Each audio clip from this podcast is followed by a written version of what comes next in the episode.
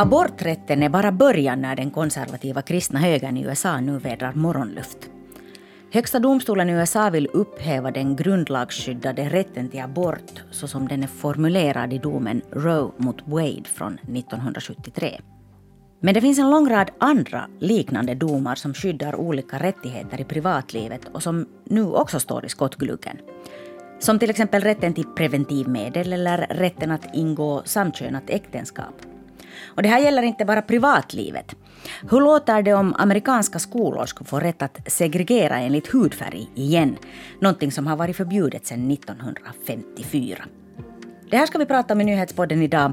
Jag heter Jonna Nupponen och jag säger hej och välkommen till dig Oskar Winberg, historiker och USA-forskare vid Åbo Akademi. Hej.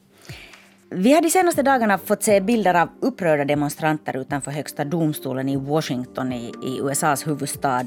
De säger att 50 år av framsteg för kvinnors rättigheter går nu förlorade. Men Oskar, är inte poängen här att de som vill avskaffa aborträtten aldrig har sett den som något framsteg?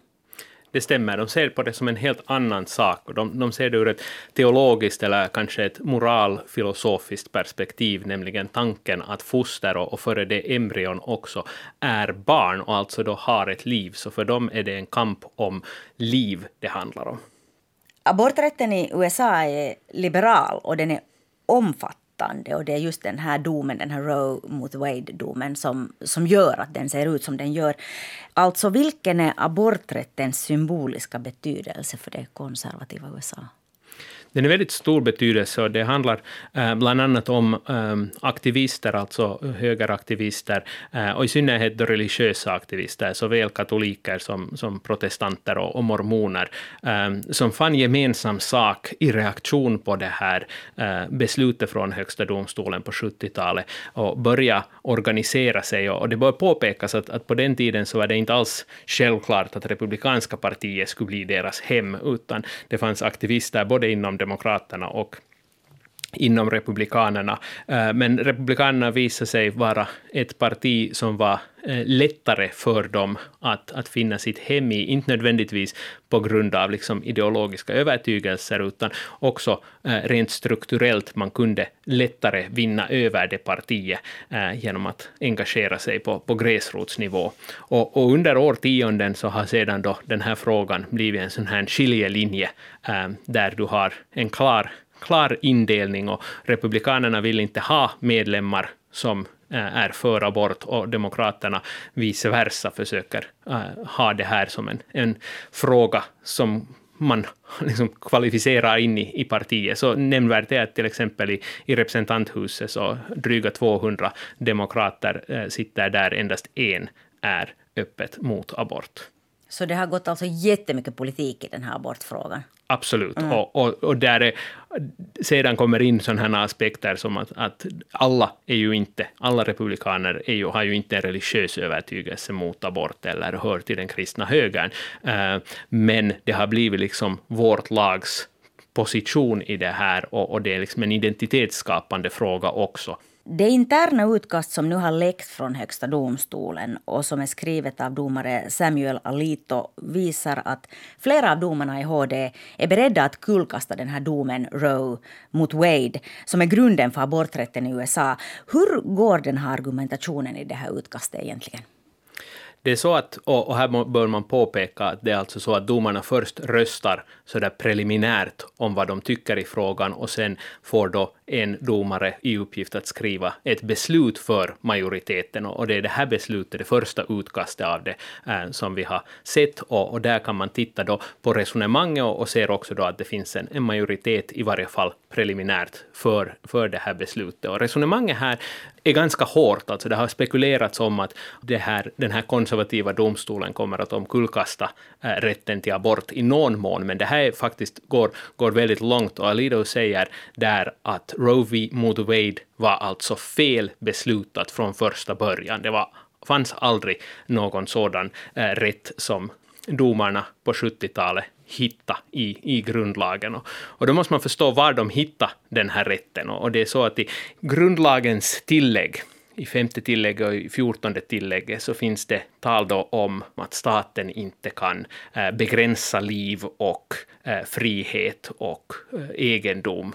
Det finns ett slags skydd och, och Högsta domstolen fann att det här skyddet gäller då privatlivet bland annat. Mm. Och att då kvinnors rätt till sin egna kropp och, och sina hälsovårdsbeslut även när de är gravida är någonting som omfattas av det här privatlivet och att de har då alltså en rätt till abort på grund av de här grundlagstilläggen och rätten till privatliv. Och det säger Lido att var fel från första början, att det aldrig existerar en sådan rätt. Om domen nu kullkastas skulle det alltså i praktiken innebära att det helt eller delvis blir förbjudet att utföra abort på många håll i USA. Varför sker det här just nu? Vad är det som gör det möjligt? Egentligen har vi en vana att titta så på, på just nu ja. äh, och, och, försöka förstå det äh, utgående från hur samhället ser ut idag. Men, men det här är alltså en, en medveten kampanj som har förts i årtionden och, och den har äh, stött på motgångar. ursprungligen ville aktivisterna till exempel stifta lagar i, i kongressen då med grundlagstillägg som skulle säga att foster är människor och, och därmed då är abort illegalt. Eh, sen riktar man in sig på högsta domstolen visar sig att, att domarna, även de som utnämndes av, av republikaner, inte var konservativa nog. Mest tydligt i ett sånt här fall som kallas Casey mot Planned Parenthood från början av 90-talet, där konservativa domare ändå tillät Roe mot Wade att stå kvar. Um, och, och, den här besvikelsen har, har då lett till att man har kämpat för uh, att få uttryckligen konservativa domare som ser den här frågan som den viktigaste upp till det högsta skiktet av de juridiska institutionerna. Och nämnvärt är att, att det betyder att alla de domarna som har utnämnts av, av republikanska presidenter idag äh, är katoliker, för det upplevs som att det här är liksom en slags garanti i den här frågan. Konservativa mm. katoliker kommer inte att ändra uppfattning om abort. Och det är helt enkelt det här decennielånga arbete som nu bär frukt i och med att, att Donald Trump hade möjlighet att utnämna tre domare till högsta domstolen. Mm. Men handlar det verkligen bara om att värna ofödda barn eller finns här något mer också i bakgrunden? Eh, de som kritiserar Högsta domstolens planer nu säger att om Högsta domstolen nu kan upphäva rätten till abort så kan de upphäva allting annat också. Allting annat också. Va, vad är det vad handlar det här om? Det här handlar om det här resonemanget och det är därför det är så viktigt, inte endast eh, hur domarna röstar, utan också vad för resonemang de lägger fram. Och, och Samuel Alito är förvisso noggrann med att, att säga att resonemanget här ska tolkas endast gällande abort. Men samtidigt öppnar han upp genom att kritisera eh, inte endast Roe mot Wade och säga att det var fel beslutat, utan också antyda att det finns andra rättigheter som domstolen har tidigare funnit i grundlagen som, som inte alls hör hemma där. Och, och, och då finns det en hel drös av eh, viktiga högsta domstolsbeslut som uttryckligen finner i det här fjortonde grundlagstillägget äh, rättigheter som vi sen har vant oss vid äh, i vissa fall under en kort tid, i vissa fall under en väldigt lång tid. Så vi mm. talar om, om samkönade äktenskap, mm. vi talar om förbud av antisodomilagar från 2003 eh, har Högsta domstolen funnit det. Vi talar om rätt till äktenskap över raslinjer, någonting som Högsta domstolen fann 1967. Eh, vi talar om rätt för gifta par att införskaffa preventivmedel, någonting som Högsta domstolen också fann 1965. Ehm, och vi talar också de facto om eh, frågor som gäller ras. Så till exempel det här klassiska beslutet från 1954, Brown versus Board of Education, mm. där Högsta domstolen då omkullkastade tidigare segregeringsbeslut och sa att man inte får segregera på basis av ras. Ehm, så de här alla är mer eller mindre i skottgluggen just nu, även om Alido då säger att vi borde fokusera endast på abort. Och det är någonting som konservativa aktivister är, är högst medvetna om och, och har redan riktat in sig på, på de här andra besluten också. Jag tänkte att jag skulle fråga dig härnäst om vad de konservativa krafterna vill med kvinnorna och deras rättigheter. Och då tänkte jag ju förstås då på den här abortfrågan mm. i främsta hand. Men nu hör jag ju att här finns mycket, mycket mer. Det handlar alltså om, det handlar om kvinnors rättigheter, hbtq plus rättigheter, det handlar om ras. Här finns på något sätt alla ingredienser. Hur, hur långt kan det här gå? Det kan gå väldigt långt. Vi måste komma ihåg att när Lido säger att det här ska begränsas endast till abort, så finns det också skäl att, att nämna att den här majoriteten består av, av domare som alla har intygat att Roe mot Wade är Eh, så kallad settled law, att det är liksom fastslaget och vi har inga, inga avsikter att återvända till det här fallet eller omkullkasta det. Så, så ta, ta de här orden med en nypa salt. Det är ändå i sista hand politiska aktörer i högsta domstolen i, i Förenta staterna. Eh, så det här är någonting som absolut inte är ändhållplatsen i de här kamperna, utan de kommer att fortsätta. Hur långt Eh, kan den konservativa kristna högern vara beredd att gå, eller vad är deras mål? Vart vill man komma?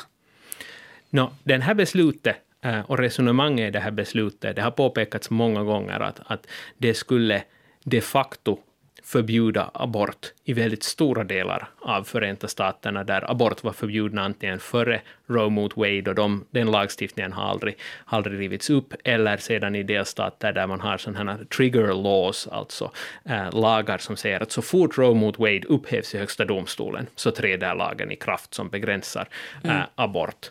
Och, och man skulle tänka sig då att, att de konservativa skulle vara nöjda med det här, men eftersom det är en fråga som vi tidigare var inne på, eh, där de upplever att det handlar om moraliskt rätt och fel, det handlar om, om liv som dödas och, och möjlighet att rädda liv, så är det ganska klart att, att ändhållplatsen inte kommer att vara att i vissa republikanska styrda delstater finns det en, inte längre rätt till abort, utan det kommer också att försöka begränsas. Till exempel på federal nivå har redan flera republikaner antytt att, att man skulle gå in och stifta lagar som skulle förbjuda abort också i de här liberala delstaterna, New York, Kalifornien och så här, som i det här skedet har varit en slags eh, säker hamn för rätten till abort och, och, det här är någonting som vi kommer att, att se mycket mer av.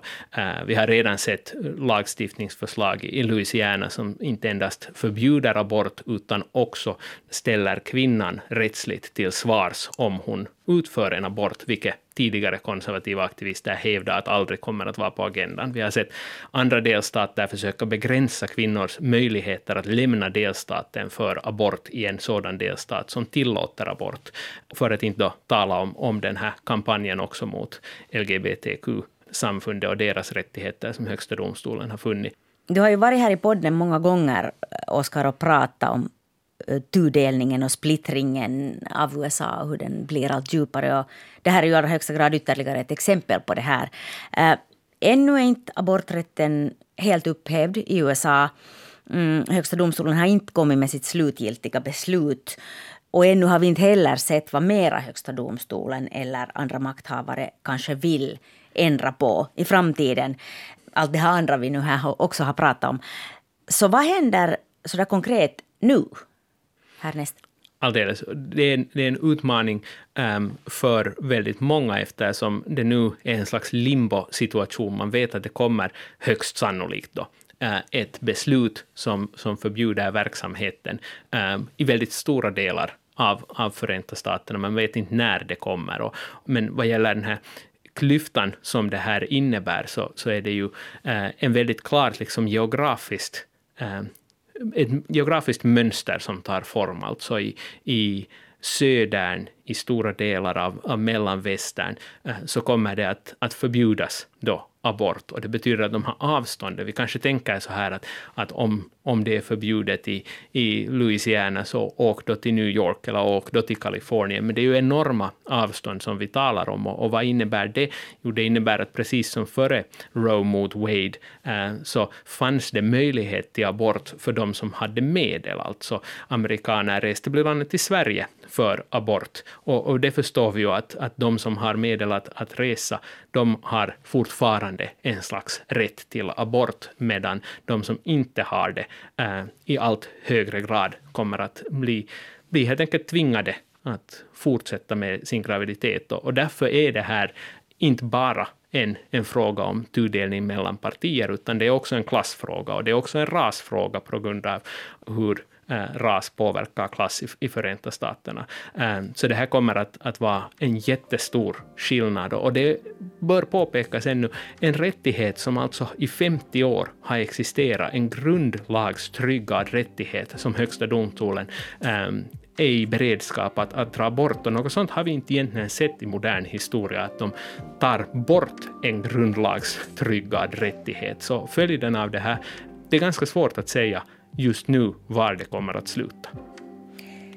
Oskar Winberg, tusen tack för att du förklarade det här för oss, även om vi inte riktigt har förklaringen klar ännu. Eh, du har lyssnat på nyhetspodden från Svenska Yle. Jag heter Jonna Nupponen. Producent är Ami Lassila och tekniker idag Jonny Aspelin. Fortsätt lyssna på oss.